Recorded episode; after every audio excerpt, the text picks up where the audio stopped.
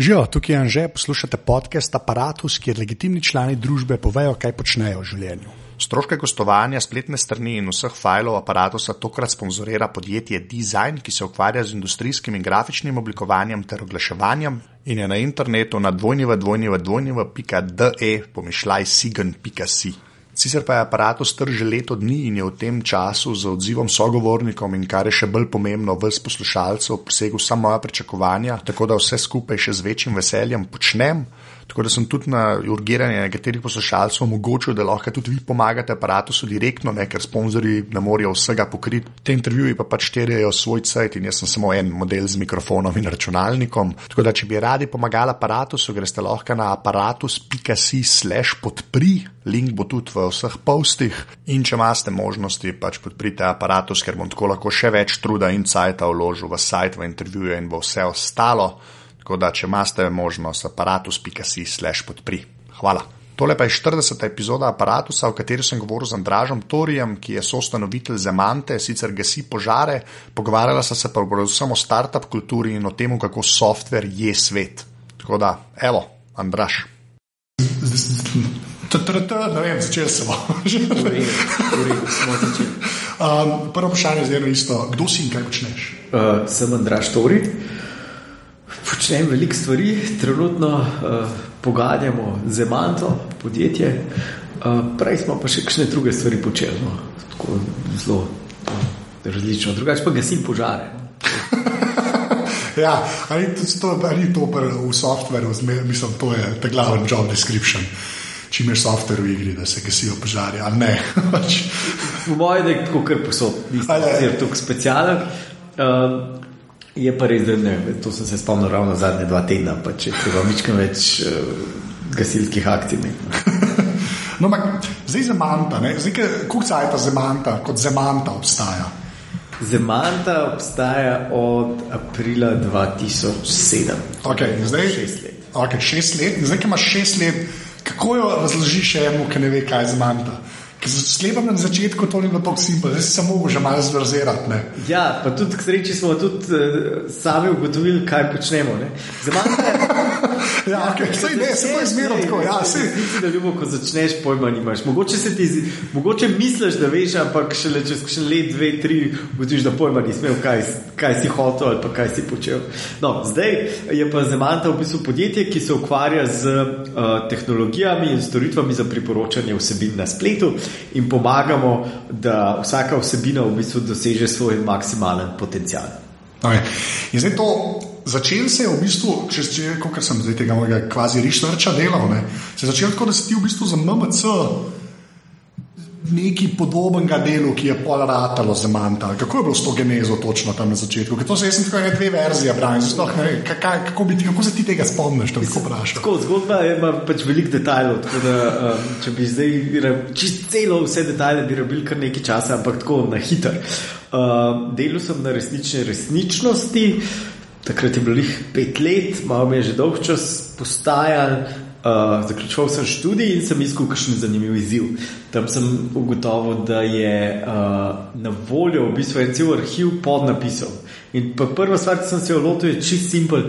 Samo tisti podnapisi, ki tečejo, če jih uh, na teletekstu prižgemo, uh, da bi se lahko pojavili tudi na spletu, ko gledaš v takrat je bil Real Player. uh, to, to, je bil, to je bil basic projekt. No, polka se pa je izkazalo, da, da se to da, so pa seveda nekako sami apetit izrastel, wow, zdaj imaš pa besedilo, nekaj, kar eh, sicer recimo Google, ki indeksira te stvari, nima. A bi se dal še kaj narediti iz tega? In uh, takrat uh, se je izkazalo, da v bistvu lahko celo spletno stran narediš za vsebino, ki prej ni bila na spletu. Ne vem, uh, celoten tekst uh, neke vdaje ne, od milijonarja ali pa uh, celoten tekst dnevnika ali pa nekaj podobnega. In da potem iskali, ki to najdejo, seveda mi kot uporabniki javnega servisa uh, uživamo še več prednosti tega, da ga financiramo. In uh, to sem potem nekako zvezdano Martiču predlagal, da bi se to naredil.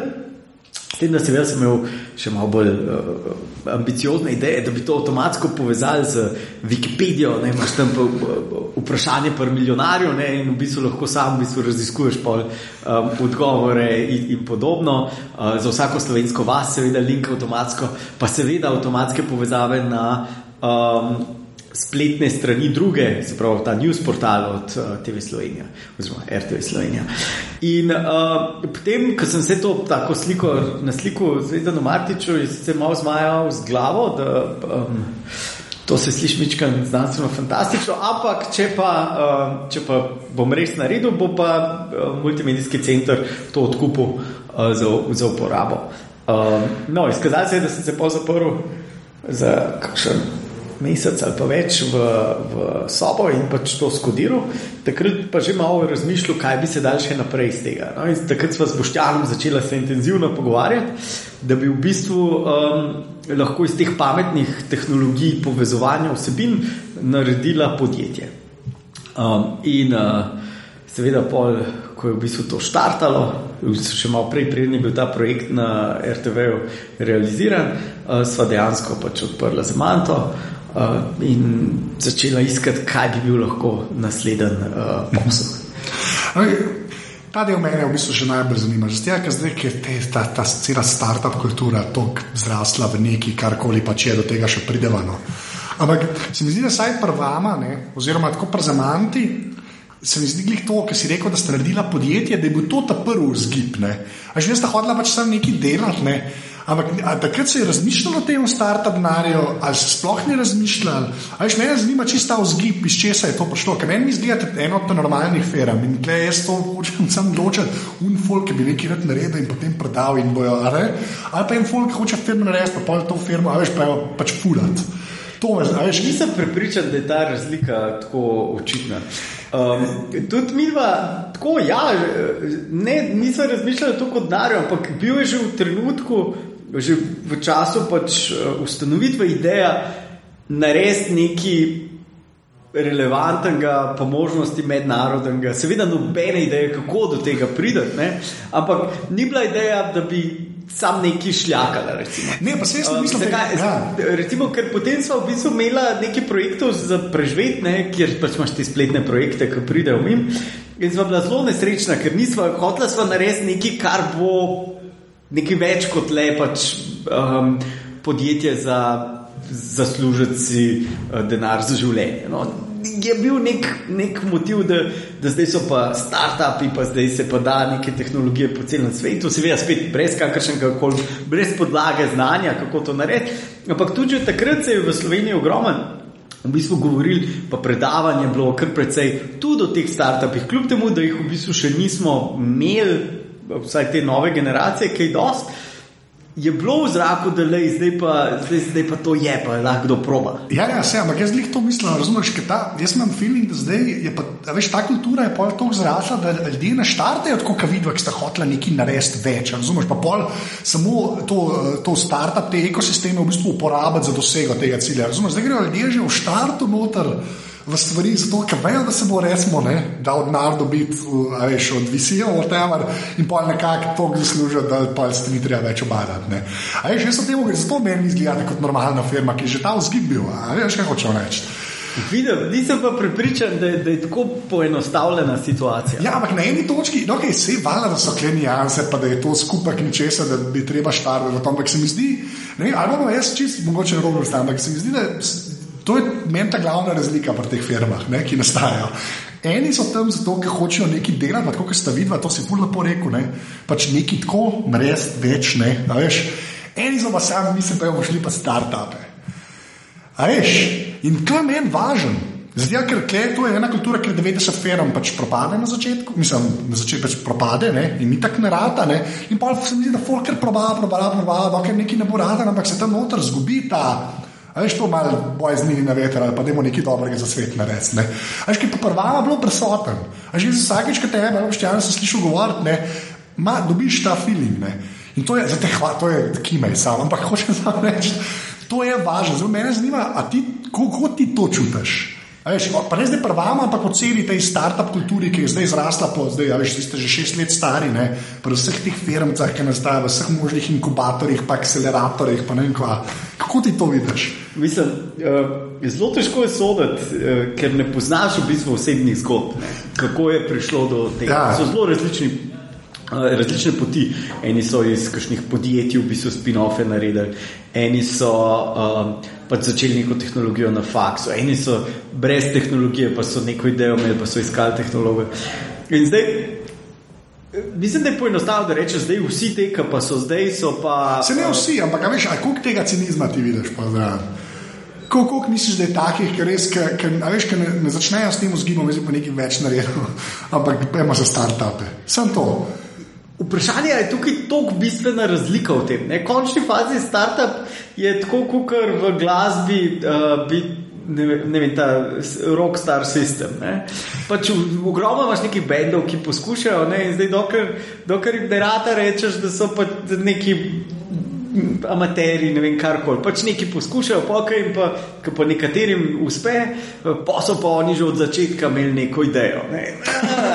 Te, a veš, tem zgodbam, tem zgodbam za nazaj je zelo, zelo, uh, zelo z rezervo jih je treba, treba imeti. Ne. Ker tudi, ko gledam, ne večkrat, ko poveš svojo zgodbo. Ne. Vedno, ki še detajl malo, malo bolj gladko poveš, zato ker drugače bi bilo prekompliciran pač celotno kompleksnost um, skomunicirati. In tisto, kar potem, ko to počneš, ne, se zavedaš tudi to, da vse te zgodbe, več ali manj o, o uspehih startupov, tehnoloških unih drugih, so na koncu nekaj, kar pride čez tok filtrov, čez medijev. In ni kaj dost, mislim, v vsaki je ponovadi zrno resnice, ampak tista re- realnost je pa veliko bolj kompleksna. Ne? Nekdo je, ne vem, mogoče službo zgubil, pa ni vedel, kaj bi počel, pa je nekaj začel prčkati, pa je pa tiskar nekaj ratan uspešno in pol hmal rata zgodba, da on je pa to že celo življenje hotel. Ja. A, a veš, um, Ja. ni, ni simpel, ni simpel. In jaz mislim, da, da tudi sodati ljudi, ki se trudijo, ne se pravi, vlagajo energijo, talent v to, da bi naredili nekaj, kar bi drugi ljudje uporabljali, cenili, bilo koristno drugim ljudem. Da jih je treba na nek način spoštovati. Seveda ne bojo vsi uspeli, seveda je nekaj tudi takih, ki so mogoče malo bleferi. Seveda je vsega tega, ampak vseeno je treba nek, neko spoštovanje do ljudi, ki rečejo, da jaz se bom pa za nekaj trudil, tok pa tok časa. Tle se jaz, jaz se to čisto, to se čisto strinjam. Jaz samo rečem, da ti rečeš, nekaj je pa takih. Ne, meni jih to zanima, kaj, kaj je ta neki. Gremo reči, da je no, je sto, ne? kaj je ta neki. Po tvojem feelingu, to, v to, kar je zdaj ta startup kultura, pa ne za Slovenijo, zdaj gledaj, magar tudi startupi kjerkoli. Koliko jih je teh neki, ki so bile feri? To me zanima, koliko imaš ti feeling, da kaj je ta neki, če je sto, a ne, koliko posto ajde. Jaz, jaz mislim, da malo. Ne, malo? Da, da, da ljudje, ki, ki grejo to, večinoma si iskreno želijo da, in iskreno verjamejo, da to, kar počnejo, je pomembno, okej. Da, da je nekaj. nekaj težko to delaš, če, sam se, če nisi sam pri sebi prepričan, mogoče včasih tudi malo zaveden, malo naiven, malo, um, malo neumen, da se kaj takega spustiš. ne. Um, ampak na koncu koncev tisti, ki, ki niso zelo hitro odpadejo. Ne Mor, moraš verjeti v to, moraš against a lot of odds. Ne, um, poskušati nekaj narediti. In spet, jaz mislim, da je treba nek spoštovanje do ljudi, ki probajo. Ne, saj in to, ja. Je pa tako, ne, moraš pa pogledati, kaj to pomeni proba. Ne, dobiš ne, e-mail, jaz imam eno idejo, da pomagaj mi dobiti nekega tehnologa. Tako pogledaš malo, lej.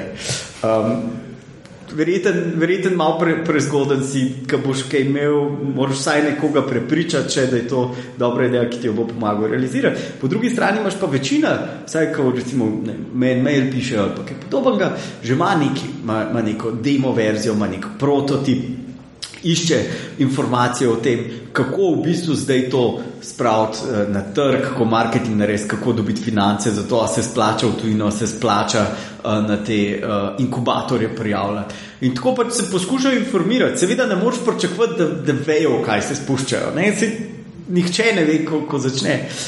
Večina, tako da bi jaz rekel, tistih, ki jih jaz vidim, mogoče k meni pridejo že po kakšnem filtru, to ne vem, ker ne vem, koga vse ti misliš, Ja, ja, ja, ok, to je fair enough. Ja, okay. Uh, se mi zdi, da se trudijo, le, in um, nekaterim bo uspelo, nekaterim bo pa to super izkušnja za naprej. Ko pa vidiš pač to, kar se. Pač sploh, kar se v Kaliforniji dogaja, ne? kar se startup tiče. ne. Pač, ki se to, ne, že na eni točki se začne to gnarja vrteti, ne, v tem, da pač je res rado že kičast. Ne. Mislim, Res je, če se, jaz se strinjam. pač ni, pač zdaj to, jaz ne vem, ali je to, zpol, ali je to na eni točki napihnjeno ali ne, pa mogoče te to a, kam to gre. A Veš, kaj ste že takrat, ko ste vi začenjali, vse so bili visi, pa tudi tukaj tam je bilo že to bolj razvito, veš, kaj je že ta prvi balonček bil, kar se interneta tiče, pa je šlo vse po gobe, pa se je pol mala ne pretresa. Pa jaz ne govorim, da je zdaj nek balon ali pa whatever, ampak kam to pele, ker je res, mislim, res pol te cifre, ki jih berem. To je že to gnarja, da jaz ne razumem, kje se to konča, oziroma kje so meje te. a Veš, kaj se zgodi? Pevej, korak nazaj. No, ej.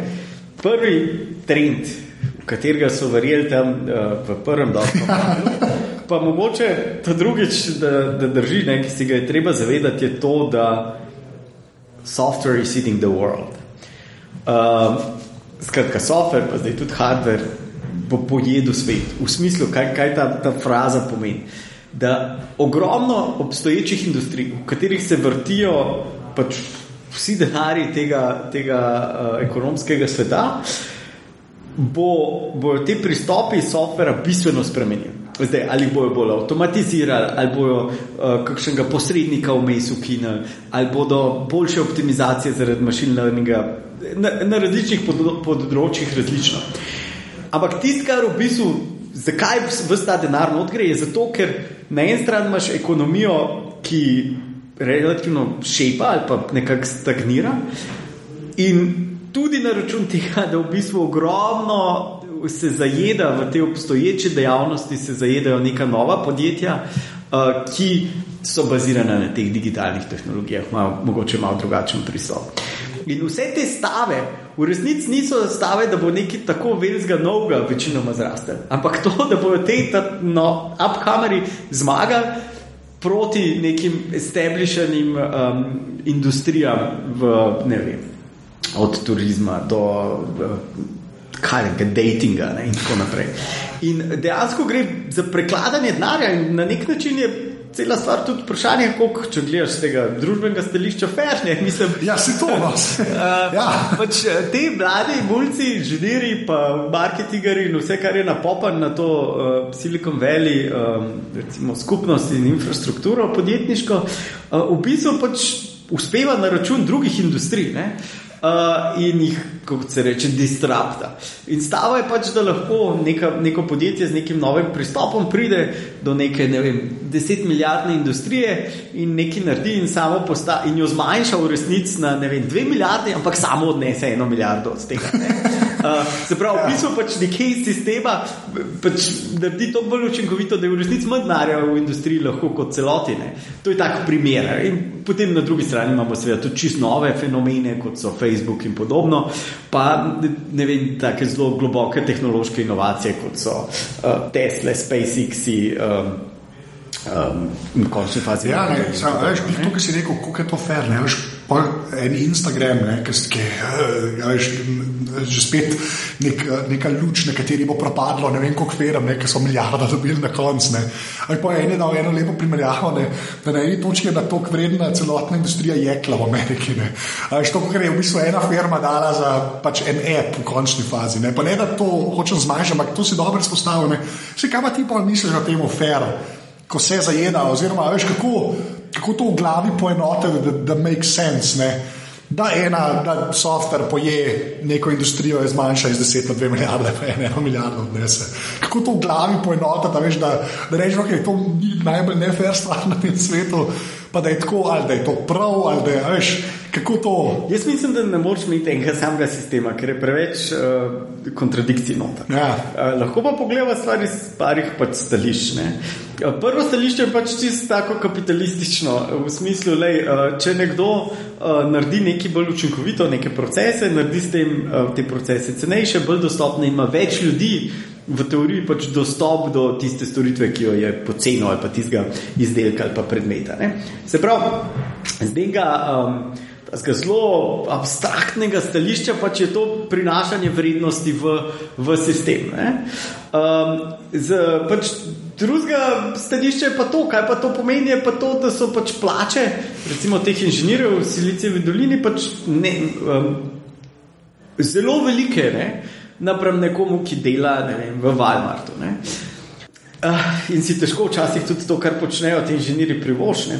Zdaj pa kaj pa zdaj prava družbena ureditev, ki bo, ki bo to uredila? Ker v končni fazi uh, se nam lahko tudi zgodi, da zdaj pa za res, kar se že vsako desetletje, zdaj bo pa vse zautomatizirano, ne bo ben, benga dela več za nikogar. Ne. V končni fazi se nam za res lahko zgodi, da za ogromno ljudi ne bomo več ustvarjali dela. Uh, vsaj, mislim, čeprav to, kar je bila že ta trditev na laž postavljena, ampak še vedno je, je verjetna, da mogoče pa v tem ali pa v naslednjem ciklu. Ne. In No, ampak potem- zihar se pa lahko reče, da, je tega, da je res. Da je Da se vsaj premika v to smer, ne, ne da bo kdaj res dokončno šlo Ja. ja. to reko, ampak kaj se pa pluje. Ne, realno, Ja, ja. no, še vedno ekonomisti pravijo, da pač, ko delo potem postane dosti poceni, se najde nove stvari, ki jih lahko ti ljudje počnejo. Um, ampak, če, če gremo nazaj, ne, se premikamo v to smer in bomo mogli ugotoviti, kaj to pomeni za družbeno ureditev. Ali to pomeni, da bomo uvedli temeljni eh, osebni dohodek, ali to pomeni, da bomo nekako drugače razporejali kapital, ker kapital se vedno bolj koncentrira. Ravno zaradi vseh teh vzvodov, eh, na eni strani globalizacija, tehnologija itd., se v bistvu industrije morajo, oziroma pač po, po uh, ekonomski logiki konsolidirajo uh, in kapital koncentrira. Um, kar pomeni, da tudi ta neenakost na svetu se v bistvu povečuje. Pač tisti, ki imajo, imajo vedno, vedno, vedno več, medtem ko tisti, ki nimajo, imajo vedno manj, ali pa v najboljšem primeru enako. Ne. In um, zdaj, to, to ni ekonomski problem, to je političen, pa družbeni problem. A, a se nam zdi, da je tako prav, da svet deluje, ali moramo sprejeti pač kakšne politične rešitve, ki bojo, ki bojo drugače uh, obrnile stvari. ne.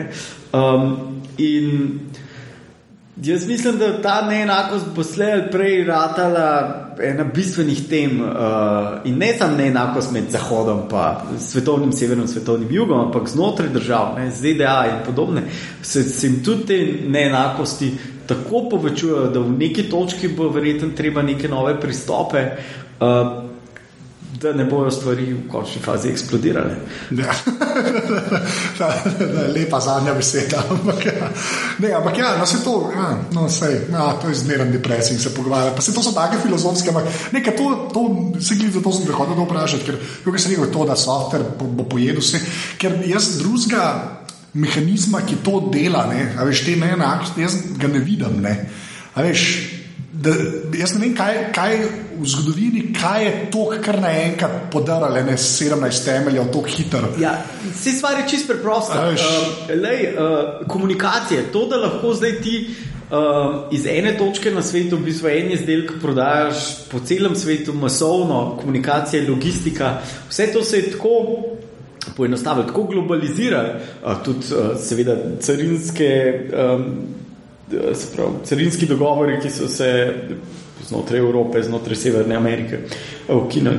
Uh, vse to omogoča v bistvu to, da koncentracijo tisto, ki ima zdaj pač v softveru, ne tiste, ali pa nasploh, tisto, ki malo boljš na neko stvar delati, ne, bo lahko preprosto vse ostale na svetu. Uh, In kar pomeni, da imamo čisti pač, uh, star system, ne? uh, se pravi, tist, res ta power law, ne? ene parki pač v vsaki industriji, ki pač poberajo največji kos pogače in potem vsi ostali, ki se trudijo. Zdaj, dobro, vedno bo še ostale neke kulturne produkcije, lokalne, neki craft, eh, se pravi, obrtništvo itd. Sej uh, je treba pač malo, malo z rezervo vzeti vse to, ampak koncentracija, ki se dogaja, je pa tako zelo velika. ne.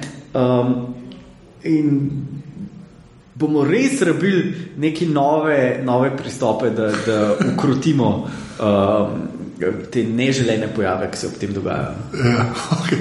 Greš samo nazaj na zmanto, da boš več čisto ne. Meni se je to zmerno fajn pogledati, sploh s polkom, ki je v tem. Veš, ker se mi zdi, da doskrat, doskrat se na te širše zadeve pozabi, pa pol zgleda polka filozofiranja v končni fazi sem, ne vem, ker res, kot se reče, no se tam je lepa, ta software, da it's the world, to, to mi je ta lepa fraza, ker, ampak to se pozabi, da pol neki tudi propada, nisem propada, da nek, da je tudi minus nekje v vsemu temu. Ne? Pa se mi zdi, da to doskrat, sploh kaj je v tem start-up svetu, ne? doskrat to pozabijo. Ne? Pa imaš več blizu tega, ker imaš ljudi, ki zelo z majhnimi timi ne? dosegajo ene velike korake v enih industrijah, ki so bile prej pa 30 let, so tam s kolebancem skakali. Zdaj, so si oni sami krivi, to je tudi čisto legitimno vprašanje. Ampak Dobro, to se doskrat pozablja, no, zelo hoče reči. V glavnem, Ja, ja, ja. samo.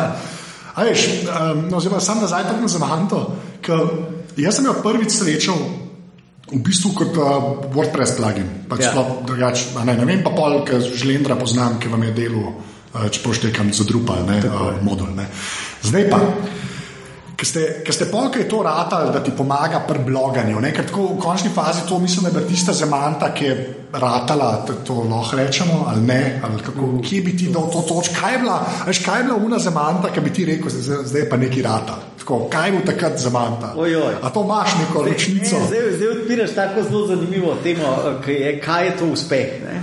No, ali pa tako, vse kaj zate, vse to, no, vse to je v bistvu del tega vprašanja. Veš, pa ste takrat bili, pa kaj je pomenilo, da si rekel, hej, zdaj smo pa zemanta, pa je ratal neki. Ja, no, um, prvo bi v bistvu čist z osebnega stališča.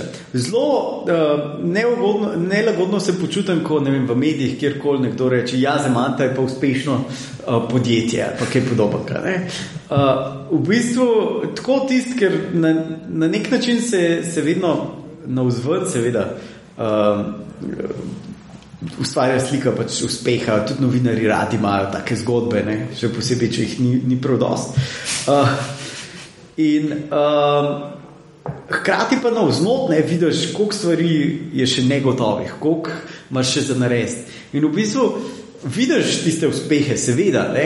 uspel si ne prvi izdelek prodati, uspel si prvega investitorja dobiti, uspel si dobiti veliko investicijo, uspel si dobiti ne vem, pol milijona uporabnikov. Ampak vsak ta uspeh še, še ni tisti končni uspeh, ki bi rekel, ja, zato smo pa zdaj mi res uspešni. ne. Uh, vsak je sam tako, kot rekel, dodatna stopnička, ki ponavadi pomeni to, da uh, sam še v bistvu več odgovornosti je na tem, da boš tudi naslednje stopničke uh, šel čez. Ne. In uh, je še vedno, Zemanta na nek način je še vedno startup, ne. še vedno, mi še vedno nismo profitable. Ne. Se sicer trudimo tja priti, pa zmanjšujemo to razliko, ampak uh, mi imamo še ogromen za naresne, zato nimam, težko bi rekel celo zgodbo, da jo zaključim kot To pa nekaj uspešnega. Dosegli smo kar veliko uspehov na poti, tako, tako jaz bolj, bolj uh, potem uh, artikuliram zgodbo. Ne. In uh, ja, vsak uspeh je v bistvu odličen, ne praznuješ v končni fazi, ne, in pa se naslednji dan zbudiš in rečeš, ojoj, kaj sem si nakopal.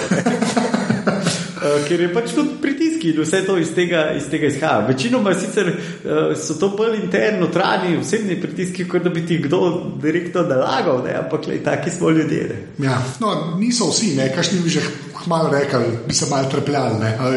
Ampak, Ampak si, si se imel, ne? Sej, Tam sej, ampak ti glih prav, ne, glih prav, ne, treba imeti. Ja, ja, vse to je prav, ne, se to ful zabavalo, se mi zdi. Um, ampak veš, koliko vi ste na eni, na eni točki, to, kar sem izanč rekel, ko sem se prvič dobil, v bistvu, da ste to že povezani z WordPressom, ne, da ste v bistvu default inštalirani, če, če si na njihovih serverjih. ne. Ja. Meni, ko jaz spremljam, sploh te CMS-je, pa jih kar spremljam, realno gledam, če preveč za enega, ki ne dela toliko tega. Je, To je kar big deal. Pa zdaj ne govorim, da klemam aparat ali kaj si enkrat z WordPressom. Ampak hočem samo reči, da WordPress je res neka taka entiteta v tem fohu, kar se interneta tiče, pa kontenta, pa to, kar vi delate, pol. Ne. Se mi zdi, da je ena tako velika entiteta, da je- jaz ne vem, kam pol gre, a veš, kaj, kam greš Ja. pol. Ne. Mislim, potem, seveda, to je tak uspeh, pa še nekaj drugih je. Ja, no, vse ne, ne rečem, ja, ampak Um, hkrati pa v bistvu potem ugotoviš, počasi ugotavljaš, kako uh, daleč lahko prideš s tem konkretnim produktom. In mi smo približno leto dni nazaj v bistvu se odločili za to, da uh, bomo rabili še en drug produkt, ki je v resnici na vzven zelo podoben temu, ampak deluje po drugi logiki, drugi mehaniki poslovni v zadnji. In uh, potem greš in greš delati nov produkt, tega, tega nekako naprej porivaš, da še vedno raste, hkrati pa se zavedaš, da zdaj pa spet si startup z nekim novim produktom, ki ga moraš spet na novo odkriti trg, odkriti produkt, eh, ga spraviti v posel, eh, narediti eh, ponovljivega, ne, to, da, da, da lahko ponovljivo prodajaš na njem. In uh, si spet na začetku na nek način s tem procesom. Ne? Kljub temu, da imaš zdaj že neke take solidne prihodke, da imaš že 30 ljudi, uh, je vseeno uh, nič manj uh, start-upersko. no. Ja. Sam zdaj saj nekaj veste, veš, kot sem prej rekel, ne, ta prve tri leta nič ne veš. Ne. Zdaj, ene par neznank se Ja. pa valjda, in pa par neznank manj pa je, ne, ne Ja, ja. sam denar pa ljudje, ampak čisto, veš. Seveda, seveda, veliko se naučiš, uh, veliko bolj si upet. Tudi lažje v bistvu delaš, ker veš, da si nekje že v tem poslovnem okolju, kjer mi delujemo.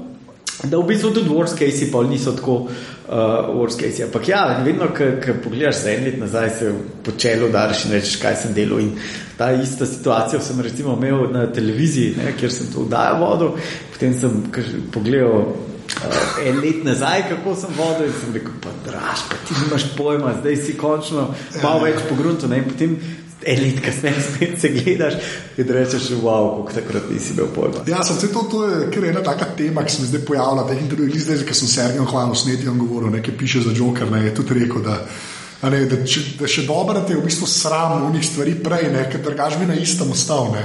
Da je to kvečem dobro, mislim, da to je ena taka taka življenjska lekcija, ki mislim, da samo če stvari delaš, si jo dojavaš. Pač, ja. Ja, že pojke za nazaj, ki jih bereš, ali se gledaš, kako si se ti ne vidiš. Pa je isto v poslu, sklepam, ne, da pa zdaj, ki greš.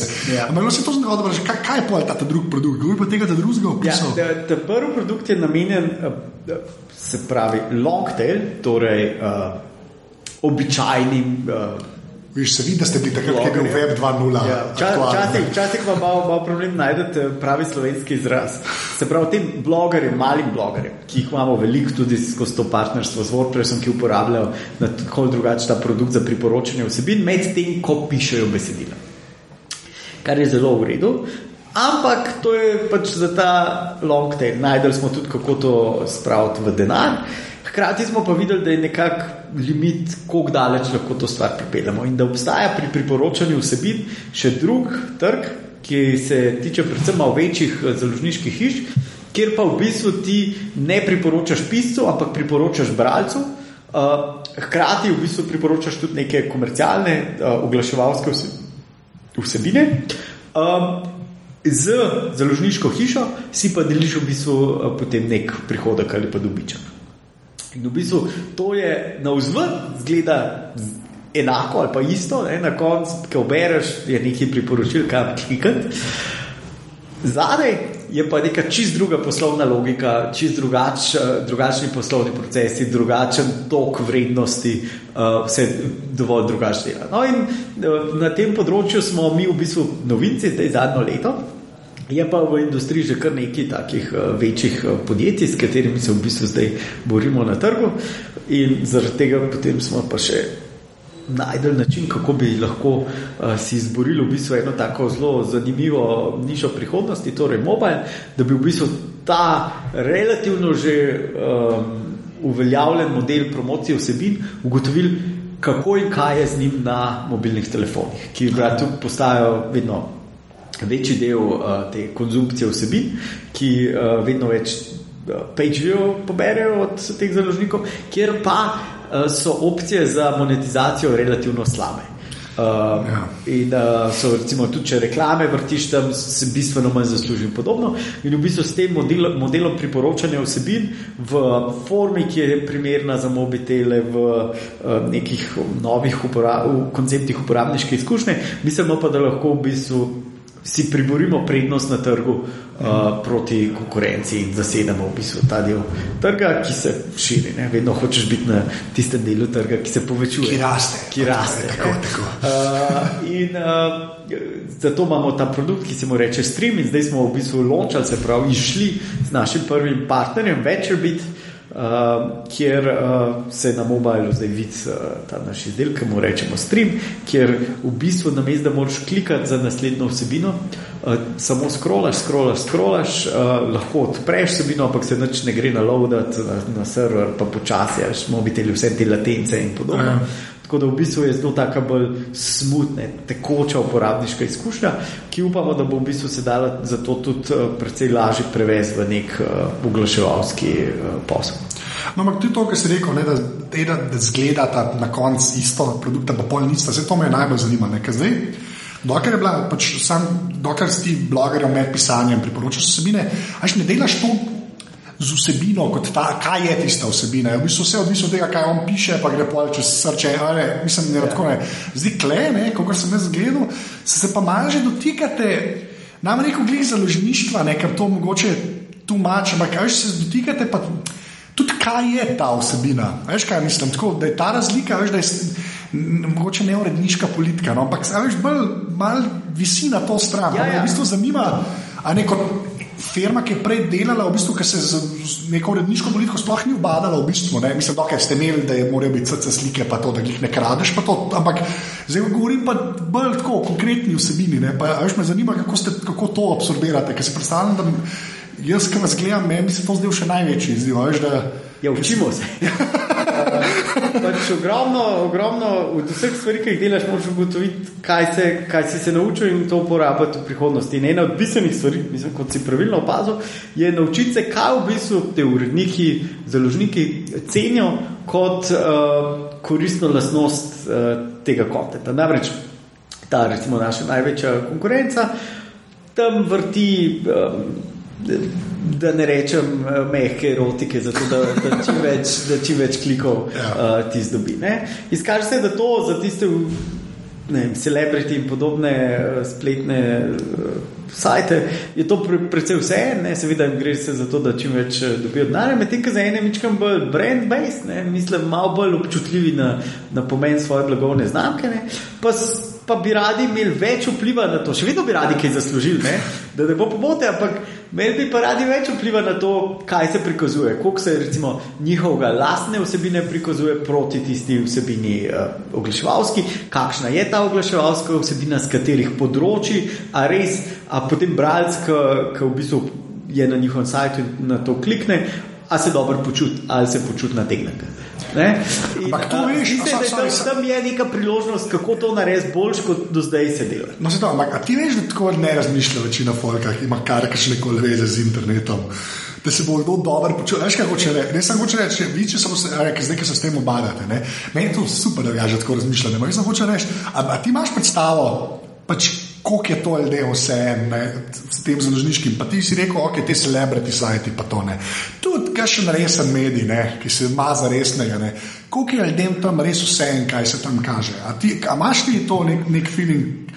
Ali, ali, Ja, v kontaktu smo z večjimi založniki ne, in Ja. cel spektr. Ne. Se to ne, ja, veš, ampak no, kako to me zanima, veš ta spektr, kaj Veš, pa, pa, Ja. tako, z- z- založniki so res vsak nekaj posebenega. Ne vem, imamo sajt, kjer Bog ne dej, da bi bilo karkoli v povezavi z, z recimo temu erotiko, ampak lahko se pa ljudje pobijajo. V, v, je pa čist kristalno vse, kar Ja. ja. nasilja je tam noter v teh zgodbah, hitro, ki se predlagajo. Imaš pa na drugi strani pač sajt, kjer, ki, ki me uh, bolj vse za. Uh, ki jim recimo ni sploh vse en in se mora nujno neki točno tistega področja, v katerem pišejo, vrteti. Uh, in tako naprej. In dejansko ta spektr je širok. Zdaj, uh, ja, ti najbolj splošni sajti so verjetno tudi najmanj občutljivi na nek način. Ne? Medtem, ko greš malo bolj ali sajte, ki imajo nek brand, ali pa sajte, ki so uh, bolj fokusirani na neko, neko pokrivanje ne, vem, računalništva, glasbe, karkoli že.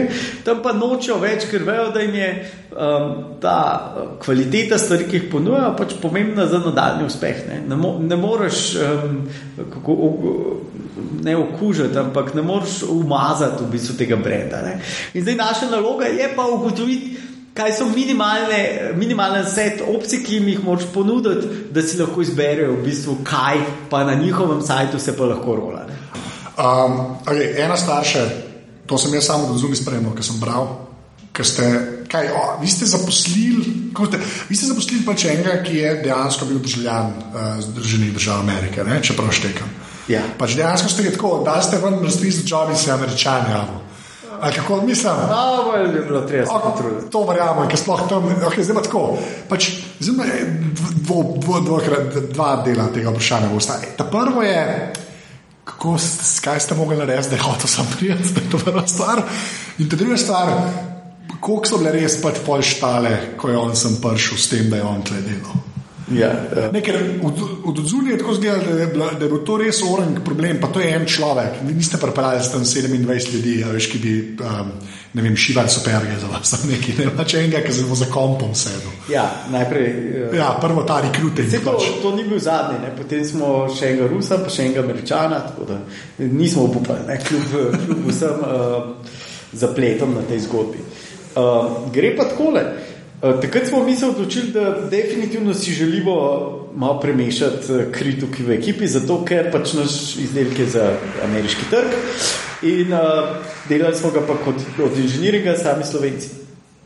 Torej, če hočeš malo bolj razumeti trg, rabiš še koga tako malo v ožji ekipi, ki to dela. In smo načrtno v bistvu iskali uh, v ZDA. Seveda, uh, vedno smo že vse svoje objave tudi v angleščini, to že prej, vedno, pa včasih se je tudi doparjal, ampak tukaj smo pa slučajno na, eni, na enem dopisnem seznamu zasledili, nam je nekdo forwardal, um, da en američan, inženir, uh, bi rad preživel par let v Evropi in delal. Uh, in seveda smo ga pokontaktirali, preverjali ozadje, uh, kaj je počel, in tako naprej, mlad inženir. In uh, ga povabili na intervju. On, on je bil seveda za, ker je to itak isko. In je povedal, da bi si on želel še dve leti delati v Evropi, uh, preferably Paris or Barcelona. Uh, mi smo rekli, no problem, Ljubljana, that's Eastern Paris. Uh, ja, okay, ne, se kude, pa to, to se fuldoor sliši. To se sliši zabavno, pa klej kvaliteta življenja tukaj. Ne, pa tudi ta medieval town, pa vse to, to, vse to je isto za marsikoga. Uh, in lokacija, to, da imaš dve uri benetke, malo dlje. Uh, Dunaj, pa še drugo, drugo to centralno Evropo, polno zgodovine, seveda je to tudi za američane zelo privlačno, pa marsikoga. Uh, no, in pač po Skypu smo se ene dvakrat uh, slišali in rekli, da hej, pridi ne. Uh, in uh, on je pa rekel, ja. V boji smo, smo malo tvega. Uh, seveda, slišali smo se tudi za njegovim bivšim šefom, pa tako. Ma, preveriš, ne, ne, ne spuščaš se v neko noro avanturo, ampak hkrati je pa ogromno uh, neznank v enačbi. Uh, in je takrat prišel, in potem smo v bistvu začeli urejati uh, vse vize, delovna dovoljenja, imel je magisterij, tako da smo upali, da ne bo nobenih težav. Uh, no, izkaže se, da je pač trajalo pol leta, da je spravil svoje papirje v red, uh, vse od tega, da je mogel uh, dobiti od FBI-ja um, dokazilo, da, da ni kriminalc. Do... Od FBI, on je mogel pol, tako to spikal, ker mi to zahtevamo. On mora FBI kaj pisati. Kaj? Ja, ja, ja. oh, wow. to pa nisem vedel. Mislim, da, mislim, da je bilo ide FBI in lokalna, lokalna policija drž, države, v kateri je, pač iz New Yorka. Um, detajlov, res, resnici na ljubo, se zdaj ne spomnim več, ampak ogromno nekih, uh, pa diploma, overjeno, ono, drugo, gordo, pošiljke so letele iz ZDA, niso bile prave. No, uh, tisto, kar me je pa dokončno res razpural, je bila pa pika na i, da kot zadnji del postopka. So pa mirno povedali, da ja, zdaj pa mora Washington dati svoj prstni vtis. In ti sprašuješ, in zakaj Washington, če je tukaj, se ima pr prst sabo, ga je prenesel, ga lahko da tukaj, ne, da taka so pravila. In ti res. A, To, Mislim, ja. kaj, kaj, kaj se dogaja v tej državi? No, po, po ogromnem kreganju smo prišli do kompromisa, da bo sam do Trsta mogel iti do konzularnega predstavništva uh, Slovenije. Uh, in pač zdi se, kot da se pač aktivno trudimo, da ne bi nobene inteligence uh, medtem pa pač na drugi strani vemo, da se nam dogaja, da pač mladi uh, grejo po svetu za priložnostmi. In mislim, da je to precej uh, kritično, da tudi mi spoznamo, da moramo postati destinacija, da moramo poenostaviti postopke za sposobne ljudi iz celega sveta, pa ne gre za EU, ne gre za Ameriko, Rusijo uh, ali pa Indijo, da lahko pridejo sem in da kaj dodajo naši kulturi in ekonomiji. In um, zdi se, da te zakoni niso ne vem kakšen bav, da, da bi se jih ne dal spremeniti sam. Nihče noče prevzeti odgovornosti za to, da se spremembe naredijo, ker vedno se najde, seveda, neka interpretacija, neke direktive, nekje, ki bi mogoče uh, koga, koga znala zmotiti. Uh, in zdaj, morali bomo, morali bomo spoznati, da rabimo tuje študente, rabimo tuje profesorje. To, da imamo v visokem šolstvu predpisan učni jezik slovenščina. Uh, pač nas bo ubil. Ja, ampak uh, sicer so neke izjeme, ampak mi moramo pač full, ta, full profesore, se pravi, redne profesore pripeljati in študente na čim boljše, kar se da, če hočemo, da bo ta ekonomija tukaj delovala. Okay, ampak to, kar rečeš, da je slovenščina, pač, uh, pač ta problem. Zdaj to še, mislim, zakaj, mislim, štekam pa lahko še kdo drug pride. Ne? Ampak, kako misliš, da je to realno, da se pač pričakuje, a veš, tudi od- v končni fazi od, od, od študentov slovenskih, ne? da na eni točki samo angliščino fura, a veš, če že na enem nivoju nižji imaš folk, ki ima sam. Ja, po vrst. Ja. Uh, tiska en, en, eno stvar, ki si rekel, samo angliščino. Jaz bi prvo rekel, da imamo profesorje uh, univerzo, ki smo jih izobrazili, cvet, cvet inteligence naroda, uh, ki moramo zaupati, da bojo uh, to, ta jezik naprej um, peljali in strokovni jezik, znanstveni jezik, kulturni, uh, umetniški itd. Uh, ampak tega ne moramo početi s tem, da predpišemo neke ekskluzivnosti da moramo v bistvu omogočiti dovolj fleksibilnosti, da se ti sistemi vseeno uh, lahko zintegrirajo v globalni svet. In jaz bi rekel, um, kako lahko imamo študenta v Sloveniji v letu 2013, ki ne more poslušati nekaj predmetov v angleščini, brez da bi imel kakršne koli težave ali pa da bi se pritoževal, zato ker je to pa v Sloveniji, pa njemu tega ni treba. Um, ja, mislim, če hočemo preživeti. Ja, je treba, ker pač eh, to je zdaj svetovni jezik, za svet je globaliziran, mogli bomo v njem se naučiti živeti, prilagoditi se malo, ampak to ne pomeni, da da imamo zdaj vrš slovenščino na odpad. Ne, naprej jo moramo razvijati, moramo biti ponosni na njo in mislim, da bomo jo lažje razvijali, če bomo imeli osnovne, um, kako bi rekel, izobrazbene pa ekonomske temelje za to, da se bomo počutili, da smo asuvereni. Uh, ker pač, če, če se bomo še naprej zapirali uh, in kulturno in gospodarsko, pač od te suverenosti ne bo več uh, kaj dosto ostalo. Uh, in uh, B, da smo dovolj pač razgledani, dovolj sposobni, da stopamo v ta pač globalni svet, ki je tak, ki je. Uh, in, uh, mislim, da, da če, če, smo, če jezik preživel tisoč let in zdaj, ko končno imamo um, v bistvu bolj kot bolj zagotovljeno njegovo preživetje kot kdajkoli prej v svoji zgodovini, potem je čas, da neha nas biti strah, ampak začnemo biti aktivni, suvereni van uh, in se pač odpreti svetu z vso to samozavestjo.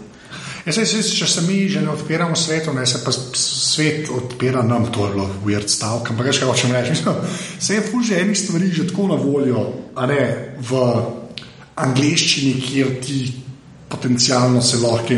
Jaz na eni točki verjamem, da se bo dal tudi uh, neko diplomo dobiti prek neta, ne, pa ne boš mu, pa ti nav treba samo v Sloveniji sploh, uh, uh, ko bi rekel, na faks stopati. Ne.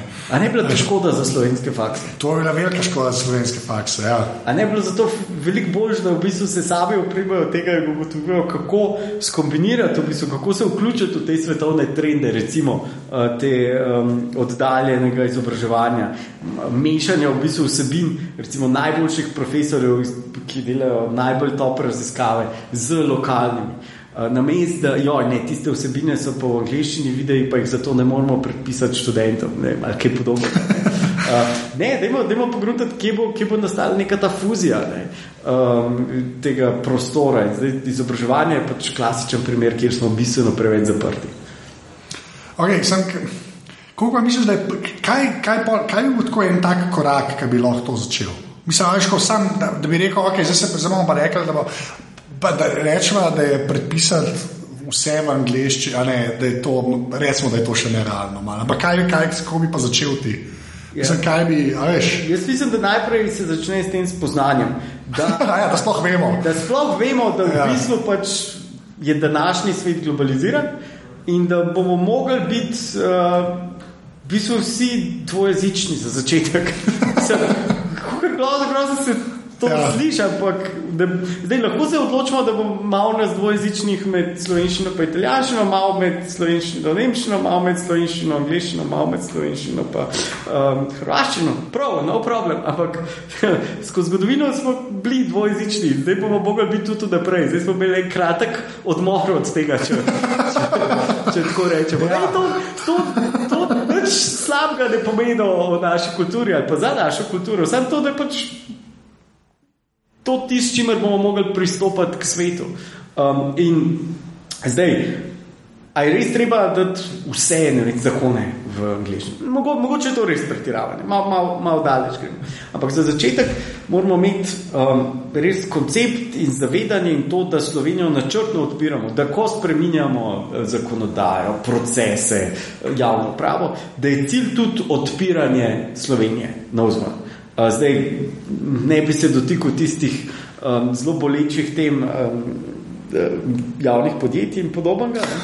Um, ampak uh, imamo še, še kup drugih, ne za začetek pač to, da ljudje na uradu za tujce govorijo uh, vsi par jezikov, ne enega. Ne, ne, no, tisti ljudje niso, ne smejo biti bilingualni, morajo biti desetlingualni. Ja. To je kriterij, da lahko tam delajo, zato ker je to njihova funkcija. Ne, in, um, podobno vem, na Bavarskem dvoru, um, če kdo se vozi z avtobusom, je uh, infotočka za tujce kjer je plakat, na katerem pišejo besede info.točka za tujce. In to so edin, edini jezik in edine besede, ki na tistem plakatu so.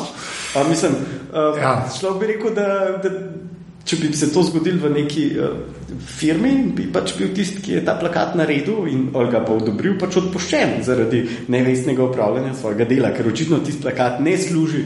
Um, Zato, da lahko vemo, veš, kje je GIF točka. Ja, ja, zato da, da vemo, kje, da lahko naše prijatelje, ki jih spremljamo, ne, um, potem usmerjamo. Ne, ne, moramo narediti malo bolj prijazno to, to okolje. Uh, jaz mislim, da tisto, kar je mogoče v, v drugem koraku, kaj bomo s tem naredili, ko bomo okolje naredili bolj prijazno do tujcev, da bo, da bo v bistvu več eh, neke inteligence, potencijala se sem stekal, bomo odprli to okolje tudi za tiste, ki so šli po svetu za priložnostmi, pa bi se morda radi vrnili. Uh, ali v znanost, ali v uh, politiko, ali v gospodarstvo, ali kamorkoli že. Um, s tem, ko bomo odprli enim, bomo nujno se bo izboljšal tudi uh, ta bilanca uh, pri drugih. Ja. Kaj plima, dviguje vse ladje, pa to pa to. Ne, jaz se ne, jaz se štekam. Pač, ampak Ja, sem meni se to, jaz, veš kaj, veš kaj, vse mogoče je to ful depresiven podatek, ampak to meni me, men vse ima smisel, ampak ker si predstavljam, kaj vse bi se moglo zgoditi, ne, da bi se dejansko Slovenija odprla ne, na ta način. Ne. Jaz ne vem, kako se to lahko zgodi. Pri tem sistemu, ki ga imamo zdaj, pa pri nas, kako to teče, ne. jaz, jaz ne vem. No. Jaz, jaz ne vem, kako se to zgodi. Res ne vem, presežem ne vem, kako se to zgodi. Sploh ja, pa. Mislim, smo, zdi se, da smo v točki in da pač gremo še naprej v to spiralo, kjer v neki točki bo treba um, narediti, kjer se bo nekaj zgodilo. Ne? In če se že bo nekaj zgodilo, zakaj se ne bi uh, pripravili, da se bo zgodilo nekaj dobrega na mestu? To, to, to, to se strinjam. Ampak lekleva mogoče še ena stvar in to je bilo uh, moje eno vprašanje. Z, s tabo, ki si bil, veš, vi ste firmo, ki je v bistvu na tujih trgih deluje, imaš pa stik in vi ste pač na par tujcev pripeljali. Samo še vsi, kot si ti prej rekel, da se svet pač globalizira na, na, na, na kakršen koli način. Pač, vam je to že malo DNK, ne veš, niste samo slovenska firma, ki pač nekaj počne. Veš, to bi težko rekel za zaman, to, to je fair. Recimo, da, veš, da, mislim, ste slovenska firma, ampak ste toliko upeti v tujino, da pač vam, vam ni problem niti tako razmišljati in vse te zdaj. Zdaj me zanima, kako ti kle vidiš. Ta prepad, ki je, vem, da je klišejsko vprašanje, ampak jaz se zmeraj vračam na to med tem folkom, omreko starejših generacij ali pa prejšnjih generacij, ki čist interneta, pa računalnikov, pa tam je tudi angliščina ogromen problem, kar se Slovenije tiče. Veš, za ene rojene po letu 80 je manjši problem, da zna angliščino in slovenščino, kot folk je prej rojen bil. Ne. Kako ti vidiš ta prepad generacijski, veš, spoh pa uporabi tehnologije ali pa veš, čemorkoli. Kako to pol propagira ta sistem, kjer smo mi zaprti, pa kjer se ne da pol več tazga narediti. Veš, kako misliš, da je to res akutno? Malo me pomer, pa reže ni to, ampak ne vem, kaj še rekel. Ja, zgodil se je tisto, kar pač se je predvidevalo, da pač v neki digitalni dobi bojo haves, pa have nots. Ja. Uh, se pravi, tisti, ki imajo, tisti, ki. Ne to reči, ne reči nekaj bolj pozitivnega. Čas, čas, okay. čas, čas, čas, čas. Ampak situacija. Po mojem, še zdaleč ni uh, tako kritična. Zakaj? Prva, prva stvar so te stvari, ki jih nosimo v žepih. Ja. Uh, te telefoni so en tak trojanski kon, ne? za večino generacij, da, mogoče za najstarejše ne. ne? Ampak en trojanski kon, kako v bistvu se vklop vse te populacije v um, to digitalno ekonomijo, digitalno družbo, digitalno državo v končni fazi. Um, skozi pač storitve, ki jim služijo, ne? ker mogoče njih. Čeprav, kar se kar vidim iz uh, lastnih staršev, ne, mogoče jim ni toliko um, Facebook ali kaj. Čeprav, ko pogruntajo, kaj, kaj vse to jim to omogoča, tudi začnejo aktivno uporabljati. Ne. Ampak mogoče imajo pa neke druge um, potrebe in šele, ko bojo lahko te potrebe zadostili ne, prek digitalnih sredstev, takrat se bojo dejansko odločili in vlagali energijo, da bojo kaj od tega spoznali. Ne vem, zato ker je vnuk odpotoval za priložnostjo v London, se bo tudi star, star oče naučil e-mail uporabljati, ne, ker, ali pa Skype, ker je to pač edini način, kako neko direktno potrebo, ki jo ima, zadovolji.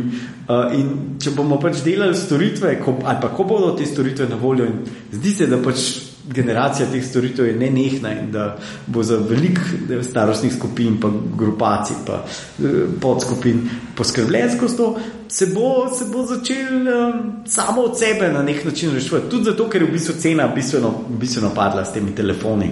Ja. Dostopa do teh digitalnih tehnologij. Um, In ne vem, od tega, da vse generacije uporabljajo bicikl in zato, da vidiš, da bo tam, kamor bi si ga rad sposodil, a je kakšen bicikl, boš imel pa čep za to. Za avtobus boš mogoče tudi pogledal ali na internetu ali pa na telefonu, preden greš od doma, kdaj točno bo prispel. Um, in nek kup nekih stvari, ki uh, bodo. Um, da so jezični. Ja, ne, veš, tak, če, če vzamemo tako zelo.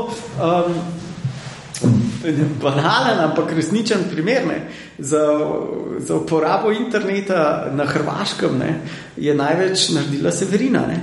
Uh, oh, kraj, ja, ne, okay. ampak, ja, se vem. Ja, okay. Čak, mislim, da se bo vsak konkreten. Skratka, Te digitalne tehnologije so samo urodja, ne? to mora biti nekaj, kar bi ljudje radi videli, uporabljali, kar so že. Uh, zdaj sem vzel namerno tako zelo, zelo ja, ja. Brutalen primer, ampak glej, um, in isto moramo razmišljati o drugih stvarih. Verjetno je veliko ljudi šlo na internet, ki so slišali, da je supervizor, ki so hoteli soseda pogledati, kaj, kaj dogaja. Ne? Če smo pač taki zelo slovenski. Uh, in, uh, Ja, okay. Imamo še kakšne druge storitve. Vem, zdi se mi, eh, da, da je pač napaka to, da so zaprli zemljiško knjigo. Recimo, eh, Ta transparenca, eh, tisti, ki se niso dotaknili, je pač to, da hočeš nočeš, bo zdaj o nas. V digitalni dobi je precej več javnega, kot je bilo v preteklosti. Vem, sem, če pogledaš švabe, ne? ja. Nemci se proti temu borijo še pa još, pa, pa še malo zraven. Ne. Imaš občutek, da, da, da ratuje, da je približno ne. Ne, ne samo se mi pa zdi, veš, kle, kle je pol ta zbirka, pol pec musarevo, ne zdaj dokler je še tam na funkciji za uh, informacije, informacijsko obveščenko. Jaz sam, jaz ne da se strinjam z vsemi temi pač. Uh, mejami, ki jih ona postavlja, oziroma ta urad postavlja. Ne? Ampak se pa strinjam s tem, da mogoče te meje treba kle postaviti. Ne? Jaz mislim, da to oni vejo. Zato smo pol dejansko meja, mogoče malo bolj normalno postavljali, kot bi se sicer. Ja, ja, mislim, e, e, razen neumnosti s piškotki, ja. um, se, se absolutno strinjam in moramo, da ne bo pomoten, ker nisem, moja izjava ni bila, zdaj bo pa vse odprto. Ne, se to, ja. Samo to, da zdaj bo, zdaj bo pa precej več, ne vem, če res na svojem primeru mislim. Men, mene starši pač eh, v, v kakšnem drugem obdobju bi rekel, da bo hunijo za tabo.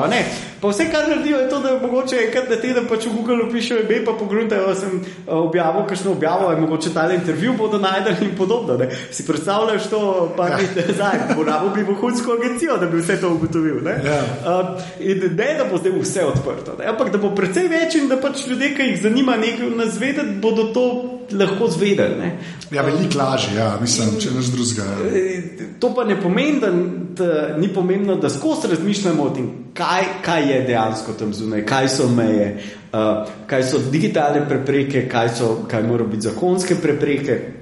In o tem pa zelo aktivno razmišljati in delovati na tem področju.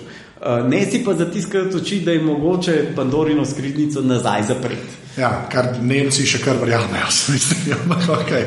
ja, no, mislim, pri njih je res to zelo akutno, ne? oni blerajo, veš, na street viewju, pa tako ene stvari delajo, ki so meni. Kdo so zelo take piškotki, varianta, no? ki je nek, nek ukrep, ki Ta prvih 30 sekund se dobro slišiš, pa pa ki malo več razmišljaš, veš, da je pointless. Pač, ampak ok, pač tudi take stvari je skozi. Že no, okay, gre na ta zadnji del, ki te sprašamo, hardware in software, ki ga uporabljaš, kot da komp pa telefon. Povej, ko imaš. Uh, imam en službeni Leno, tako mehen, da ga v bistvu skozi, se pravi, tel, ne telefon, komp, da ga sabo lahko nosim. Uh, pa en star, v bistvu Android, ene dve leti. To je Galaxy S2. Ne? Ja, vidim, da si prebral z mize. Ja. Ja. Da, okay, pa pa epe, te, lej, za kom tebe sploh manj sprašal, ker ne na to pomaga. Prej sem videl, da imaš X-chat vzgan.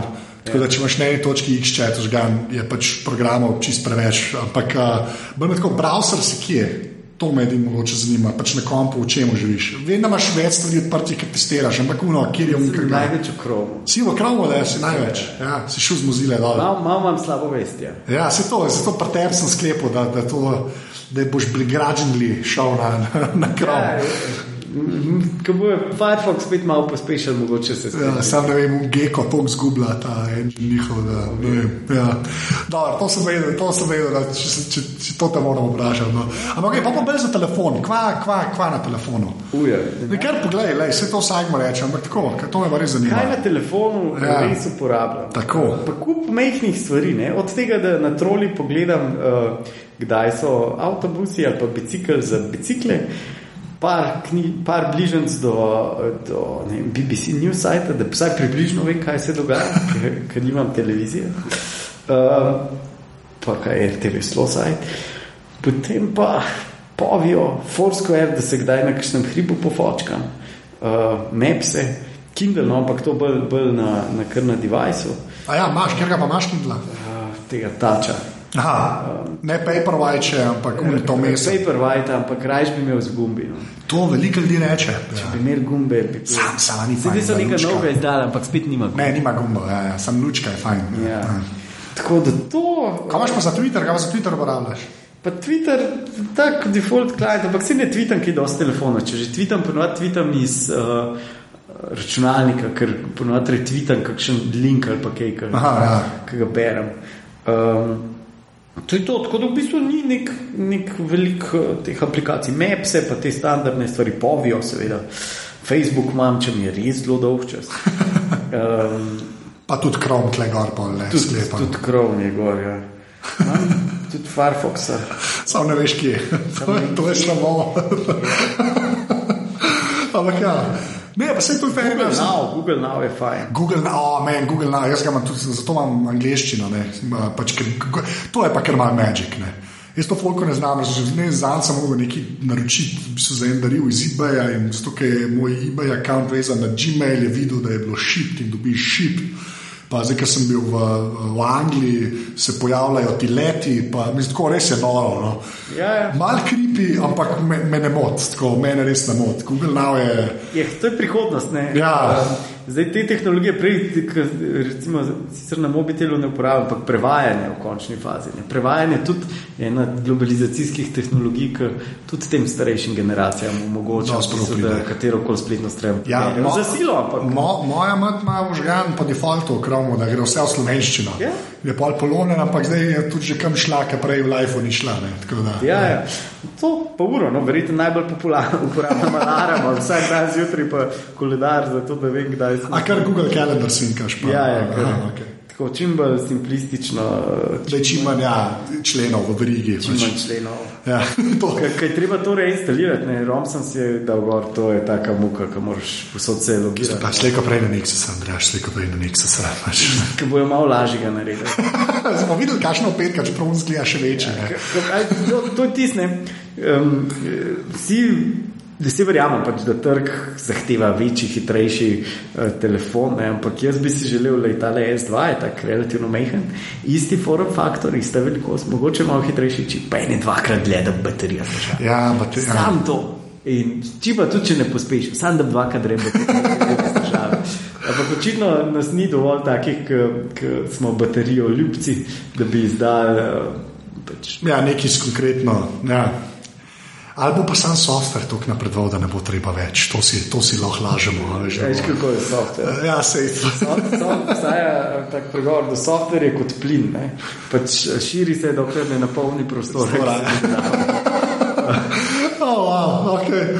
zdaj pa še zadnje vprašanje. Uh, če bi mogel eno fizično stvar izpostaviti, ki je naredila vtis na tvoje življenje, fulvelik, ali jo še imaš, mogoče je nimaš več, kaj bi to bilo? Ojo. Eno stvar. To je annoying vprašanje, ker je ena stvar, ampak ena stvar mora biti. Nima mene, kot bi na, na življenje, ampak tako zanimivo opažanje, če si zdaj. Um, Kakšen let nazaj sem kupoval nove brisače. Okay. mi je že všeč. to mi je že všeč.